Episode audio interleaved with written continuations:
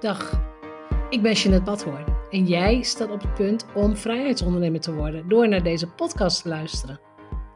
Als bedenker van het merk Vrijheidsondernemer, auteur, mastermind-expert en online ondernemer praat ik over verdienmodellen, ondernemerschap, geld, mindset en persoonlijke ontwikkeling.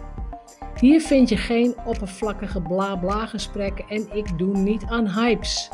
Deze podcast is een combinatie van jarenlange ervaring, ondernemerskennis en identiteitscoaching. Om jou te laten zien dat succes ook voor jou mogelijk is. Als je meer vrijheid en omzet wilt, als je wilt groeien als mens, als je oprecht en authentiek bent, dan is deze podcast voor jou. Ik ben blij dat je luistert.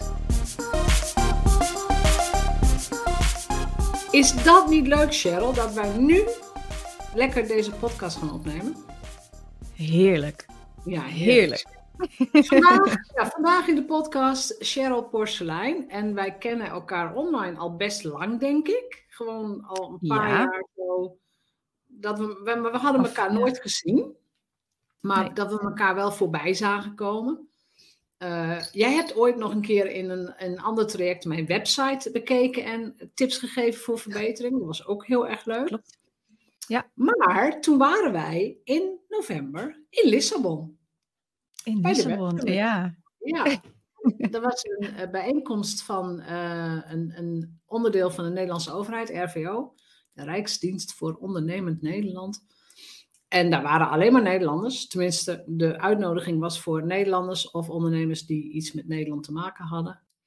En toen stonden we ineens in een hoek met allemaal leuke Nederlandse ondernemers. Het was voor mij de leukste bijeenkomst van de hele week. Leukste netwerkbijeenkomst van de hele week.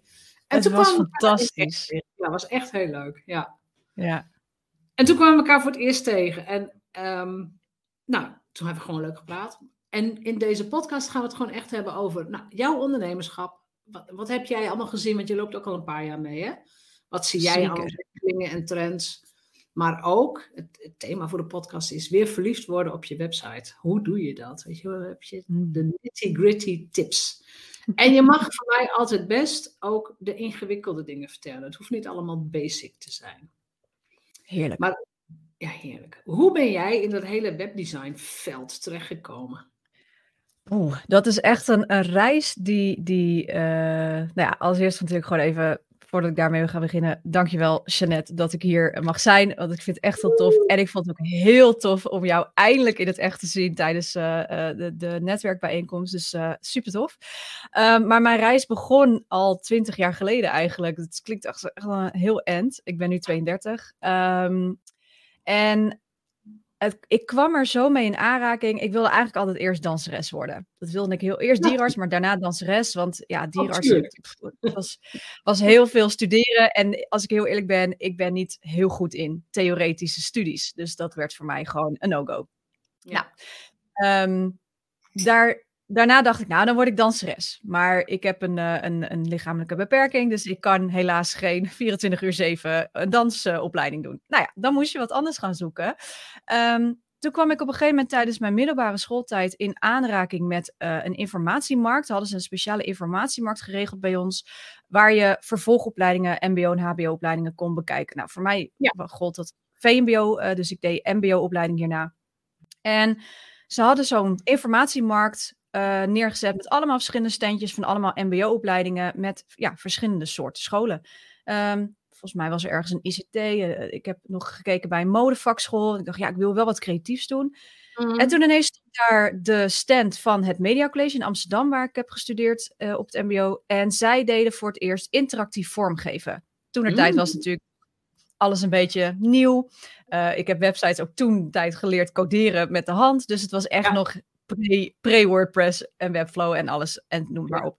Ja, ja, ja, Maar ik dacht, ja, modevakschool vind ik wel een hele typische, typische wereld. Um, ik wist niet zeker of ik daar nou echt zou inpassen. Dus ik, nou ja, ik merkte op een gegeven moment dat ik met dat interactief vormgeven in aanraking kwam. Ik vond het portfolio wat ze mee had genomen, vond ik echt heel erg gaaf. En toen dacht ik, dit is het. Ik ga uh, op een creatieve manier, maar ook meteen een soort van klaarmaken voor de toekomst. Want ja, interactief vormgeving, websites uh, digitaal, dat is natuurlijk, toen tijd was dat en nog steeds de toekomst. Dus ik dacht, dat ga ik doen. Daar kan ik sowieso werk in vinden. En ehm, dat gaat het worden. Nou, zo gezegd, zo gedaan. Ik, ben, uh, ik heb me gelukkig uh, met hak over de sloot mijn, uh, mijn VMBO-diploma gehaald. Um, mm. Ik ben een MBO-opleiding gaan doen. En ja, dat was echt wel iets waar ik, waar ik heel blij van werd. Ik heb Photoshop geleerd en Illustrator en ook al die programma's. En leren toen nog met we dat Dreamweaver van Adobe. Dat we met HTML, CSS, Shizzle, ja, hebben we de websites nog leren bouwen. Um, ja, en, en toen ben ik uh, in 2011 mijn bedrijf gestart, omdat ik um, in aanraking kwam tijdens die opleiding met een ondernemersvak. Ik hadden één semester. Hoe oud was jij toen? Want toen was je nog heel jong. Dat was, toen was ik, oei, 19. Ja, het is 13 jaar geleden dat ik dit bedrijf heb gestart. Ja, 19. Ja, ja ik, ik heb dyscalculie, dus ik ben heel slecht te rekenen. Um, dus ik was 19 toen ik dit bedrijf inderdaad startte. En dat, heeft uit, dat, heeft, dat is uh, gekomen door een ondernemersvak wat we kregen. En waar we begroting moesten leren maken en facturen opstellen. En, en een heel businessplan en zo moesten bedenken. En dat was eigenlijk zo leuk dat ik dacht, nou weet je wat, ik ga het gewoon doorzetten. Want uh, ja, ik kan, ik kan zelf uh, de ervaring en zo wel gebruiken. Nou ja, en, en, en dat was eigenlijk de start van mijn bedrijf. In 2013 heb ik hem uiteindelijk moeten inschrijven bij de KVK, omdat het iets te goed liep. Um, dus het zwart, het zwart houden, dat kon niet meer. Um, ja, en zodoende, zodoende ben ik altijd naast mijn studies dit bedrijf gaan behouden. In 2016 ben ik afgestudeerd ook nog van het HBO. En sinds, sinds 2016 heb ik gewoon besloten om fulltime dit bedrijf door te zetten. En, uh, ben ik nu uh, dus. Uh, in, in, en altijd in, in webdesign. Ja. Ja, ja, ja, en ik, op het HBO heb ik communicatie en multimedia gestudeerd. maar ik ben uiteindelijk officieel afgestudeerd als, als webdesigner. Ja. En heb jij webdesign als, als vak, als, als, um, ook, ook misschien als een soort ambacht, heb je het zien veranderen? Zijn er nu andere oh. webdesign trends dan zeg maar twee, drie, vier jaar geleden? Want dat gaat volgens mij snel. Het gaat heel snel. En een mooi voorbeeld daarvan vind ik altijd Apple. Uh, die gaan altijd heel erg mooi mee in de voorsprong van, van trends. Dus je ziet ook als Apple bepaalde dingen verandert, dan pakt de webdesignwereld dat eigenlijk vrij snel op. Uh, hè, dus we, we kennen allemaal die app, die, die icoontjes, die dan uh, eerst waren ze een beetje, ja, dat noemen ze dan skeuomorphism, dat, dat, dat het net echt lijkt, dat het op het echte leven lijkt. Toen zijn ze op een gegeven moment naar flat icons gegaan en nu zijn ze eigenlijk in een soort tussenfase gekomen wat neumorphism is. En dat is over de afgelopen 15, 20 jaar is dat helemaal meegegaan. En zie je dat ook terug in de websites. Um, we hebben eerst hadden we buttons, bijvoorbeeld knoppen op de site, die eerst helemaal 3D waren, zodat je net echt leek alsof je ergens op kon klikken, zoals de stoplicht uh, buttons. Um, en nu zijn ze allemaal flat uh, met animatie. Dus de, er zijn heel veel dingen gaande en het is een enorme ontwikkeling ge geweest. We coderen ook bijna geen websites meer. Hè. Dat is natuurlijk één hele grote verandering. WordPress is enorm gegroeid. Um, hebben nu natuurlijk enorme concurrentie ook van Webflow, Squarespace. Nou, noem het allemaal op. De, allemaal de no-code uh, websites. Um, ja, dat, dat is ongelooflijk gegroeid in de afgelopen 15, 20 jaar. Ja. Dat is wel interessant, want je bent, dan, hè, je bent nog klassiek opgeleid als webdesigner. Ja. En jij zegt, jij, jij zegt dus ook van ja, we hebben echt concurrentie van website software waar je niet meer voor hoeft te coderen. Is dat nou echt een grote kans voor een webdesigner of is het een bedreiging? En dan heb ik het nog, ook nog niet eens over AI, want dat, dat, komt er natuurlijk ook nog aan. Maar hoe ga je daarmee om? Want jouw vak verandert zo snel. Ja, ja wat, wat in principe ik altijd vind is, kijk, iedereen kan een website maken tegenwoordig. Dat is zeker zo. Um, absoluut met de komst van AI, absoluut met die no-code software van Webflow en dat soort dingen, zeker. Maar toch kan niet iedereen een website maken. Dat klinkt heel dubbel altijd als ik dat zeg. Maar een website maken, daar zitten twee allemaal gradaties in. Uh, daar zijn speciaal webdesigners zijn we voor opgeleid dat wij ook kijken van hoe zorgen we ervoor dat een website converteert. Ja. Um, en wij zijn daarvoor opgeleid, hè, communicatie multimedia markt uh, gestudeerd. Um, daar zitten bepaalde redenen achter waarom je iets opbouwt zoals je iets opbouwt. En ik heb mij daar de afgelopen jaren enorm in gespecialiseerd. Ik heb daarnaast ook een, een, uh, uh, een diploma voor Design for Behavior. Dus het gaat er ook echt om dat mensen beseffen dat een website meer is dan alleen een plaatje. En zeker met de concurrentie die we nu online hebben, want er zijn gewoon echt nul grenzen meer sinds de komst van de digitale uh, eeuw. Dat we nu zoveel concurrentie hebben online. En als jouw website puur en alleen een leuk plaatje is, dan kun je daar in principe niks mee. En dat klinkt altijd al heel hard als ik dat zeg, want ik weet dat heel veel ondernemers denken: Oh, maar ik heb hem zelf gemaakt, ik ben er trots op. Absoluut, je moet ergens beginnen. Maar je mag je daarin meteen gaan beseffen dat je een doel moet hebben en dat je daarop baseert, uh, daarop je website-indeling baseert.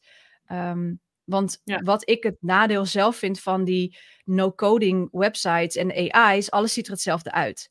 En daar hebben wij, of tenminste in ieder geval de webdesigners waar ik uh, mee werk in mijn opleiding, maar ook ikzelf. Ik mm. onderscheid me daarvan om te zeggen, ja, maar ik bouw echt alles met de hand wel nog steeds. Dus ondanks een no-code doe ik qua design en het opbouwen, doe ik nog steeds met de hand. Omdat ik mm. weet dat een website veel meer is dan het er leuk uit laat zien. Tuurlijk moet het er mooi uitzien, maar het moet ook een functie hebben. En die functie, die vergeten we nog wel eens. Want wat heel veel ondernemers vergeten, is dat wij als eigen ondernemer niet de eindgebruiker zijn van de website, maar onze potentiële klanten. En die moeten we in de gaten houden. En daar moeten we de website voor maken en niet andersom. Nee, de klant moet inderdaad denken van, hey, wat een, niet alleen wat een leuke website, maar wat een leuk iemand of wat een goed aanbod of dit is voor mij, dat ze dat heel erg duidelijk hebben. Ja. Wat, wat zie jij als grote trends nu de komende mm, anderhalf, twee jaar aankomen? In webdesign? Voice is een hele grote. Uh, websites worden echt, ja, de websites worden de komende tijd echt ehm, vooral grote bedrijven. Um, we krijgen in 2025 komt er een wet over gebruiksvriendelijkheid. Uh, dat betekent dat alle websites van grote bedrijven moeten inclusief zijn voor welke doelgroep dan ook. Dus dat betekent ook mensen met een uh, zichtsbeperking, mensen die blind zijn, mensen die ADD hebben, autisme, noem het allemaal op. En Voice is daar, gaat daar een hele grote rol in spelen dat jouw website um, ja, voorgelezen moet kunnen worden, maar wel op een manier alsof er iemand tegen je praat. Dus daar zit een hele grote trend in, die de aankomende twee jaar zeker uh, een, een, een, vlucht gaat nemen. Daarbij is SEO, dus Google uh, en, en alles wat um, Google Home, Alexa, uh, Siri, wat we allemaal gebruiken al om zoekfuncties te, te optimaliseren. Ook daarin moet jouw website voor geoptimaliseerd worden, omdat voice, we gaan steeds meer op voice zoeken. Dus ja. ze zeggen steeds vaker: Hey Google, doe dit. Nou hoop ik niet dat mijn telefoons nu ineens hier aangaan. Maar uh, Hey Siri, wil jij even opzoeken dit en dit? Ja, ja. En daar moet onze website voor bruikbaar zijn. Dus die inclusiviteit moet daarin gaan komen. Dus voice is een hele grote die we in de gaten moeten houden. In 2025 is dat dus voor grote bedrijven verplicht. Maar je kan als kleine ondernemer daar zeker al een stap in voor zijn. Verder zien we de dark mode uiteraard verder terugkomen, ook in websites. Uh, ik ben daar nog zelf niet zo'n heel erg fan van. En bij dark mode bedoel je donkere websites? Nou ja, in ieder geval dat dark mode is niet per se donker, maar dat je minder fel licht tot je krijgt. Dus um, wat, wat minder uh, heftige kleuren. Um, uh, dat je wel de keuze geeft ook om hem op dark mode of niet te zetten. Maar je, wat we kennen vanuit Google Maps bijvoorbeeld, hè, als we gaan rijden en het wordt donker, dan gaat hij vanzelf switchen naar dark mode, zodat je veel minder tegenlicht krijgt van je uh, mobiele scherm, omdat we natuurlijk met blauw licht werken. Nou, daar gaan websites ook zeker veel meer de komende tijd in, in uh, ontwikkelen. En, maar daarbij, wel grappig genoeg, is er een ontwikkeling gaande dat we heel erg teruggaan naar minimalisme. Oh, websites die echt, ja, ik ook, daar ben ik heel fan van. Uh, Minimalisme, uh, minimale, kleine subtiele animatietjes erin om mensen uh, te laten zien dat ze bijvoorbeeld op een knop moeten drukken of dat soort dingen. Maar het gaat erom dat alle ruis op die website weggehaald wordt. We gaan terug naar de rustigere kleuren, dus niet meer de regenbogen die we, die we in 1999 gewend waren. Uh, het gaat, de websites worden helemaal volledig ingericht op gebruiksvriendelijkheid en gemak en snelheid. En dat is wat we de komende tijd echt, echt een vlucht zien nemen in webdesignwereld. Hmm. Hmm, Oké. ik zit met mijn, steeds met mijn eigen website denk, oh ja, oh ja, oh, oh dan moet dit ook onder Oh, dan moet dit ook gebeuren. Oh. Ja, ja, ja, ja. Ja, dat blijft. Dat heb je altijd. Ja, ik weet zeker, bijna iedereen die luistert zal een website hebben. Dus het thema wat wij gekozen hebben voor dit gesprek is ja, weer verliefd worden op je website of überhaupt verliefd op je website. Ja. Heb jij een lijstje of heb jij dingen die wij eventueel zelf kunnen doen of die een webdesigner voor je kan doen, waarvan jij weet, van als je dit doet, dan gaat jouw gevoel over je eigen website vooruit. Waar zou je dan beginnen met, met, met de verliefdheidsreis? Oeh, dat is een hele goede vraag. Um, kijk, dat is altijd heel erg lastig, want ik weet uit ervaring dat ondernemers op een gegeven moment zeggen: ja, maar ik vind mijn eigen website maken echt niet leuk, want het is zo technisch.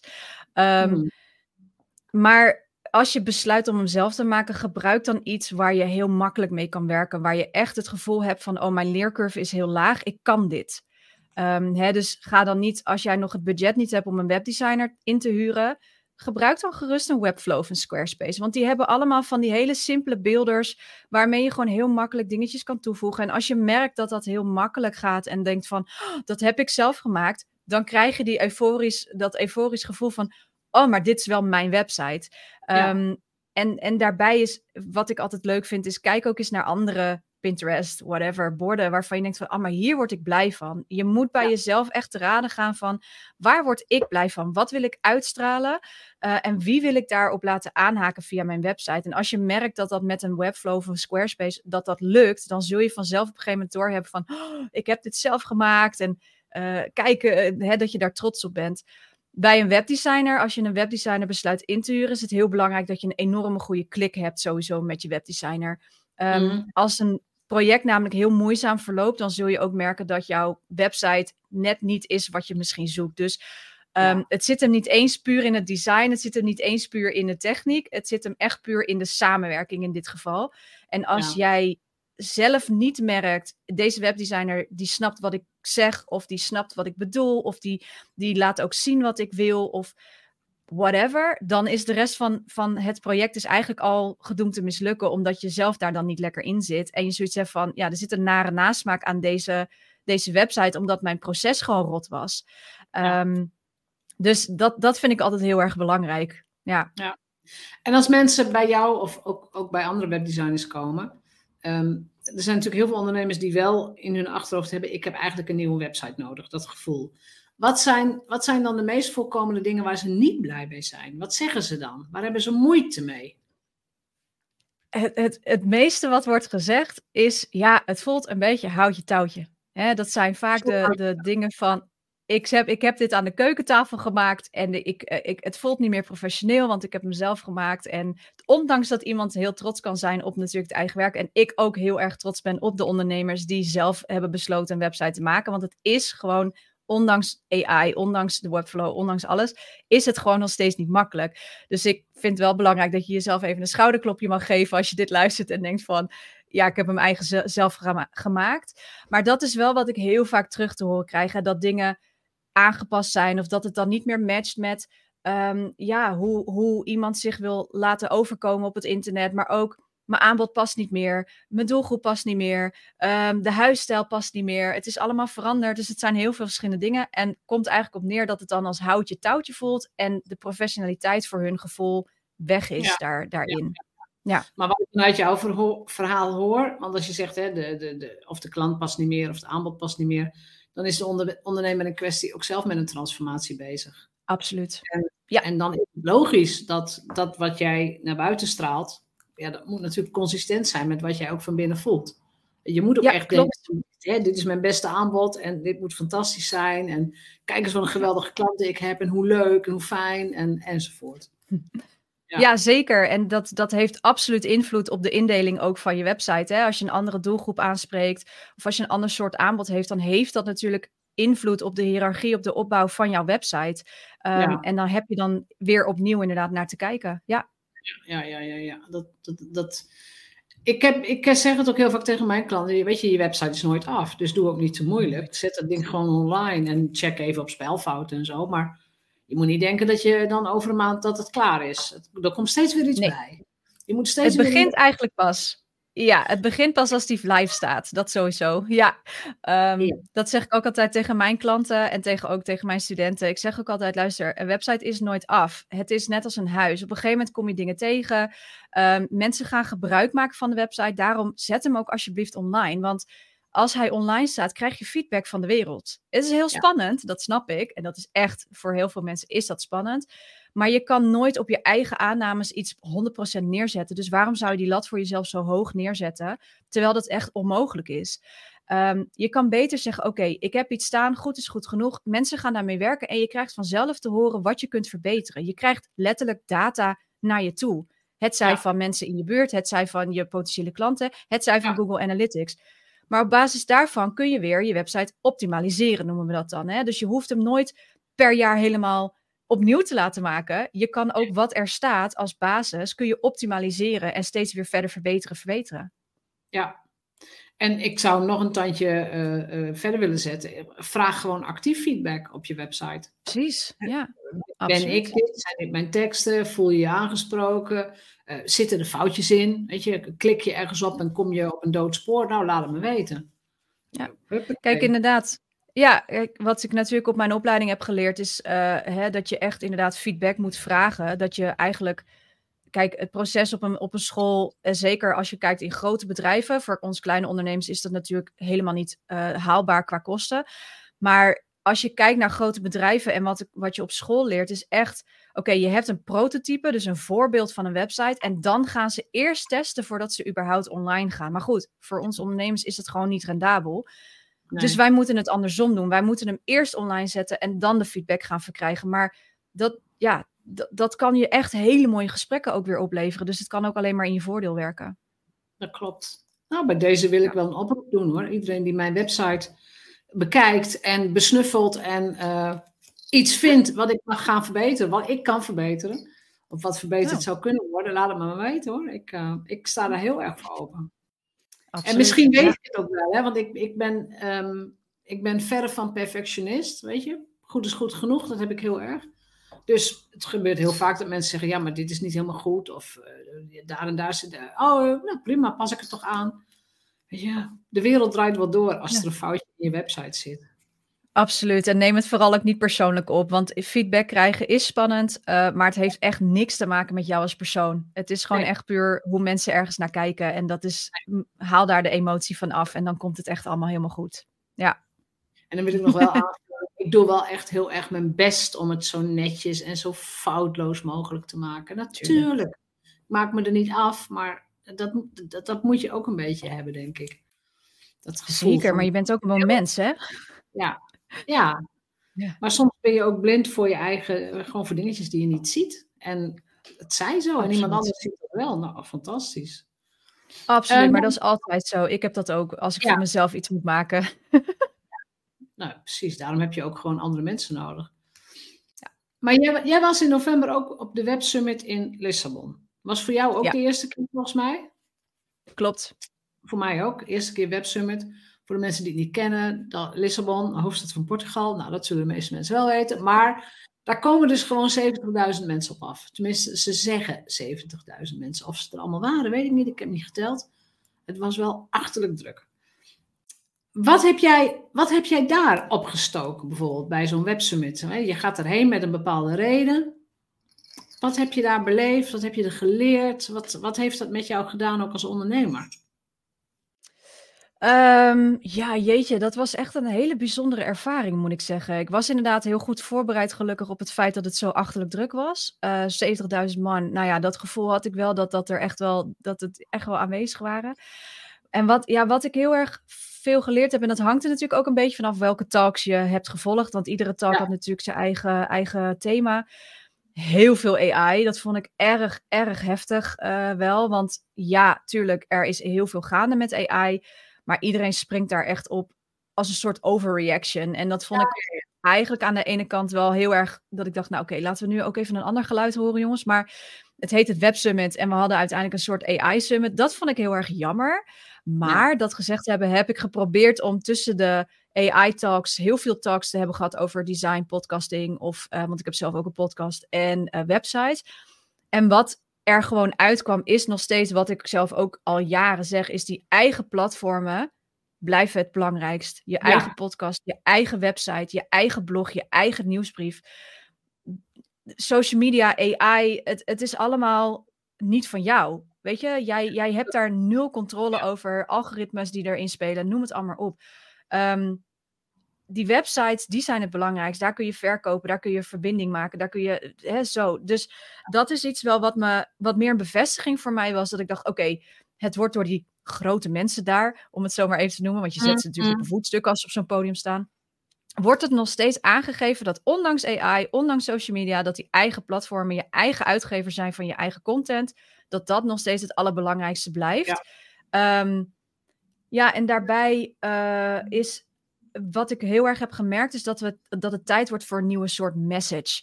Um, en dan hebben we het natuurlijk met de komst van de AI, dat bleef natuurlijk wel gezegd worden, maar het is nog steeds heel belangrijk dat we beseffen dat we zaken doen met mensen. Ja. Hè, en dat AI echt nog steeds heel veel fouten maakt, niet uh, bron onderlegd is, noem het dan echt nog steeds uh, learning is, maar echt een robot. Wij zijn mensen, wij hebben emoties, wij kopen ook dingen op basis van emotie. En daarom doen we nog steeds zaken met mensen. En ik vond dat wel heel erg mooi om te horen dat dat niet verandert. En juist heb ik het idee alleen maar meer versterkt wordt met de komst van AI. Um, dus daarin denk ik dat er een hele grote kans liggen om je te blijven onderscheiden. Um, ja, dat je echt met de mensen mee mag denken en gaan, voor gaan staan voor je klanten. En hart hebben voor je klanten en dat soort dingen. Ja.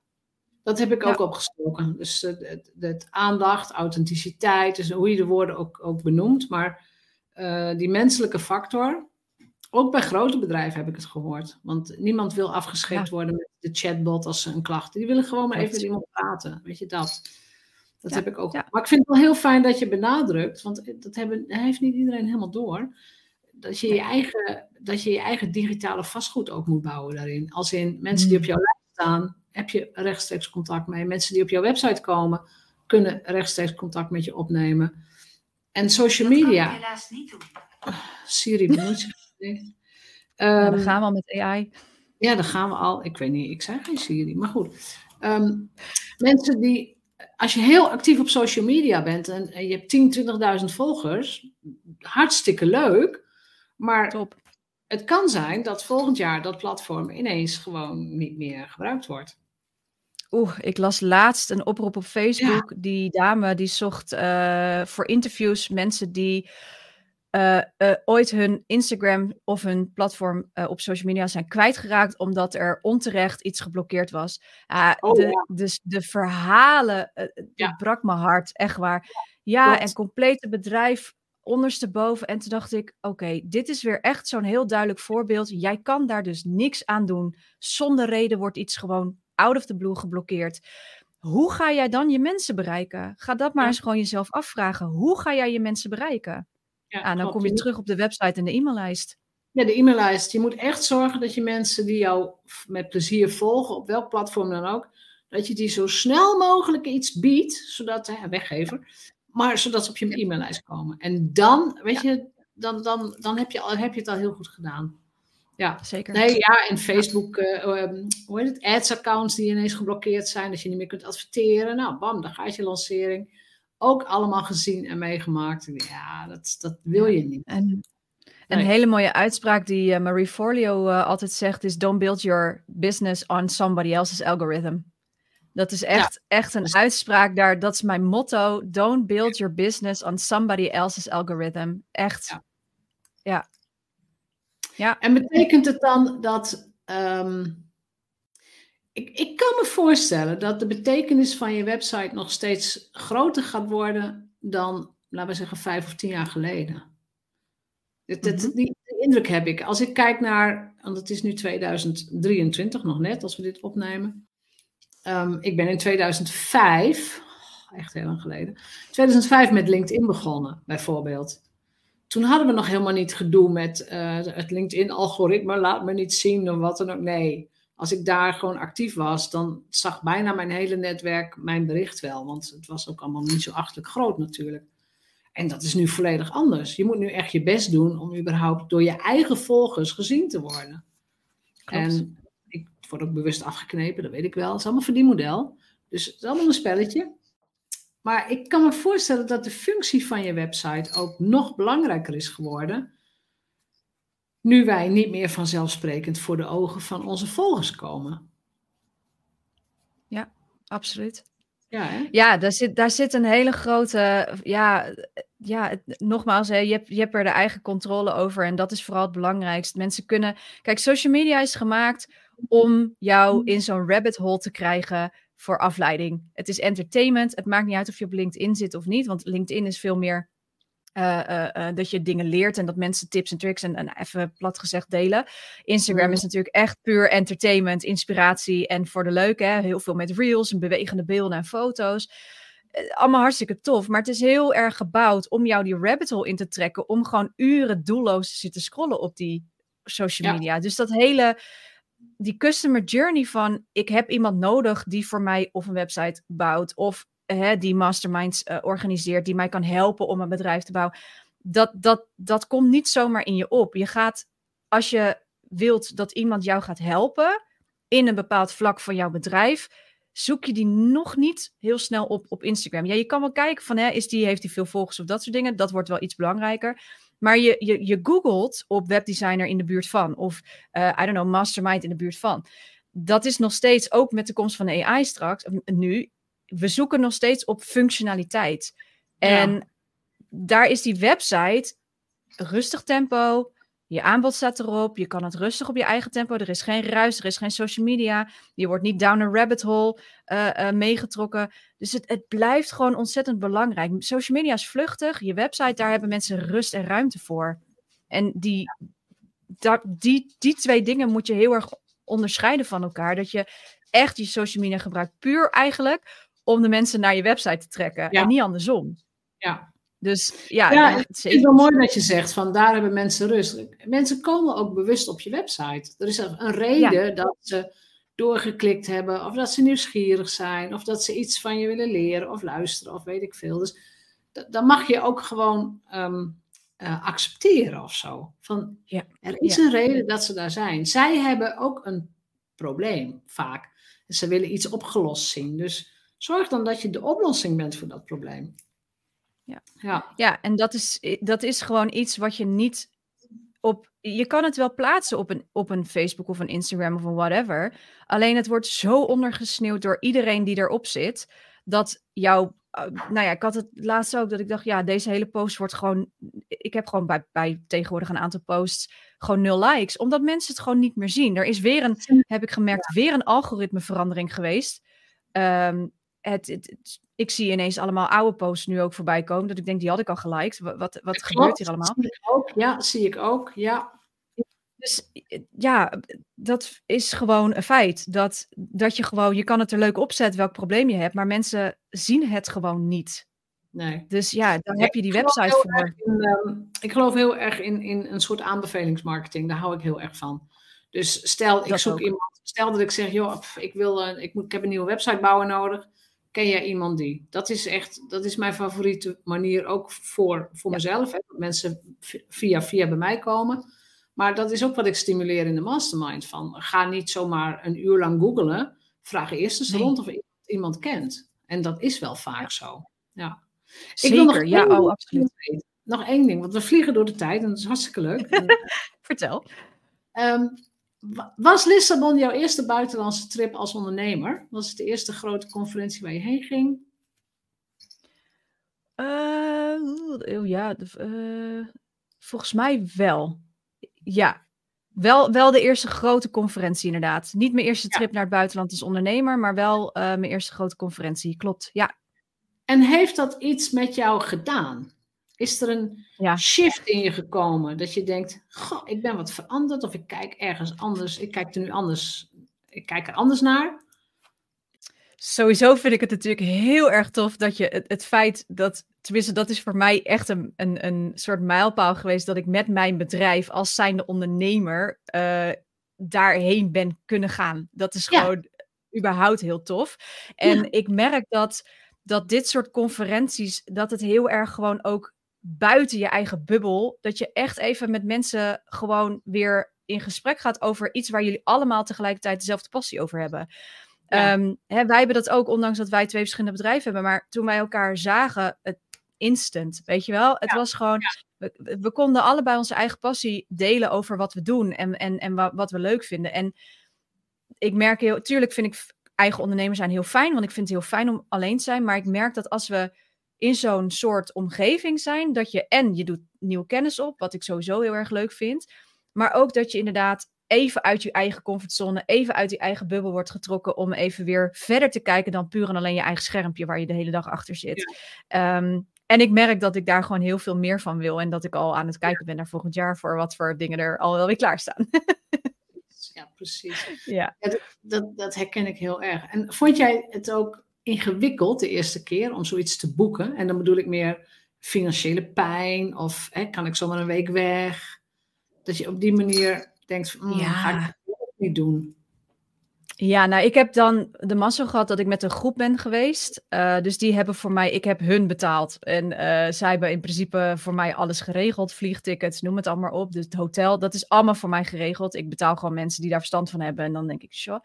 Tuurlijk heeft dat een bepaalde dat ik denk van oké, kan ik dit, is dit, hè, zit dit in het budget voor dit jaar? Kan ik dit betalen? Maar aan de andere kant, als ik zie wat het me oplevert aan connecties, dat is, dat is onbetaalbaar. Maar ook de, de, de beleving ervan. En dat komt uiteindelijk wel een keer naar me terug.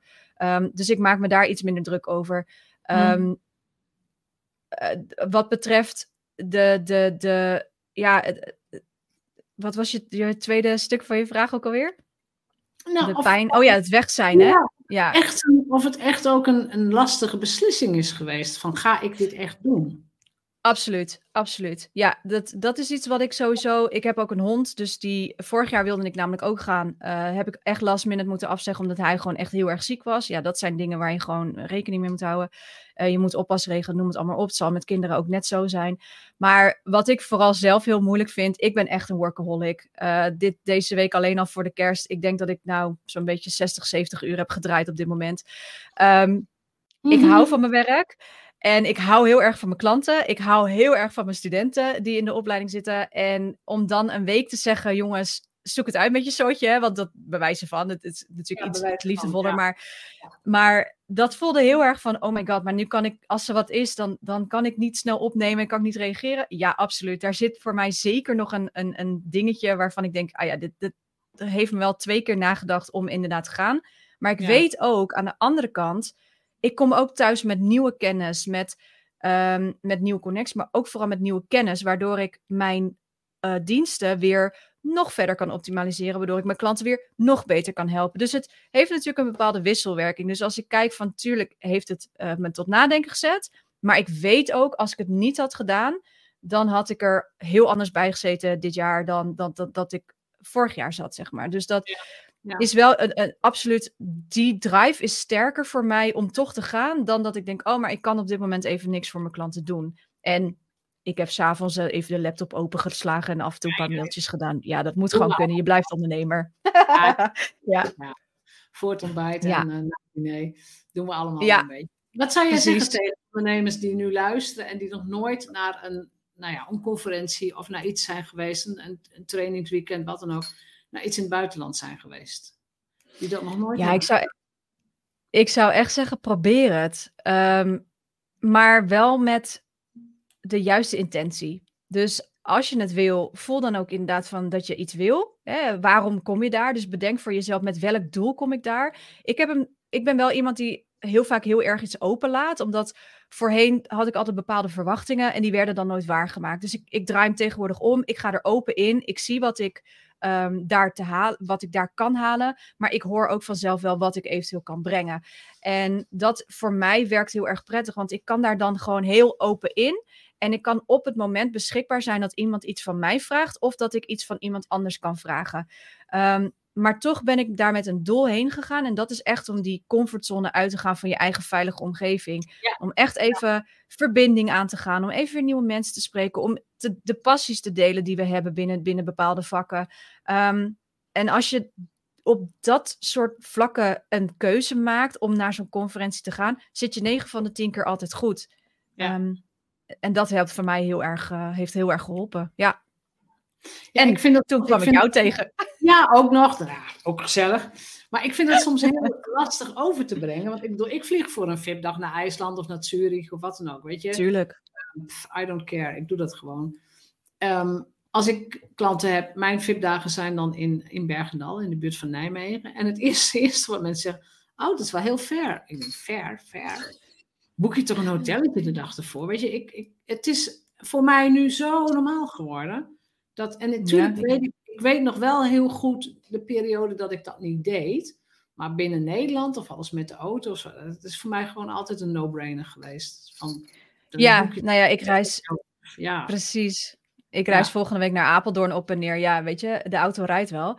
Ehm, maar ik denk dat het hier vooral te maken heeft. Ja, precies. Ik denk dat het hier vooral ook te maken heeft met een stukje angst voor het onbekende. Kijk, Lissabon was meteen wel echt massive. Ik bedoel, gewoon vol vier dagen en 70.000 eh, man om je heen is best pittig. Kan ik je wel vertellen. Ja, ik was ook wel. Echt, echt indrukwekkend veel. Ja. ja, absoluut. We waren op de vierde dag ook wel echt een beetje dat we dachten, nou, we zijn even wel mensmoe. Dat, dat mag ook gewoon. Dat, dat, dat mag er ook gewoon zijn. Dus, dus, dus gun jezelf ook gewoon als je denkt van, nou, ik ben klaar. Ga dan ook gewoon weg. Dat vind ik heel belangrijk. Maar je kan ook klein beginnen. Je hoeft niet per se eh, naar Lissabon. Je kan ook zeggen, joh, ik rij een keer naar Deventer, naar live dag of zo. Maar het, het, het zit hem er voornamelijk in, wat ik heel veel hoor en wat ik bij mezelf ook heel erg herkende, was, ja, maar ik ken daar niemand. Dat is altijd het eerste wat iemand zegt. Ja, maar ik ken daar niemand. Ja, maar dat is de hele reden waarom je daarheen gaat. En er is ook een reden, hele reden waarom je daarheen gaat. Precies. Heerlijk is dat, dat je even niemand kent.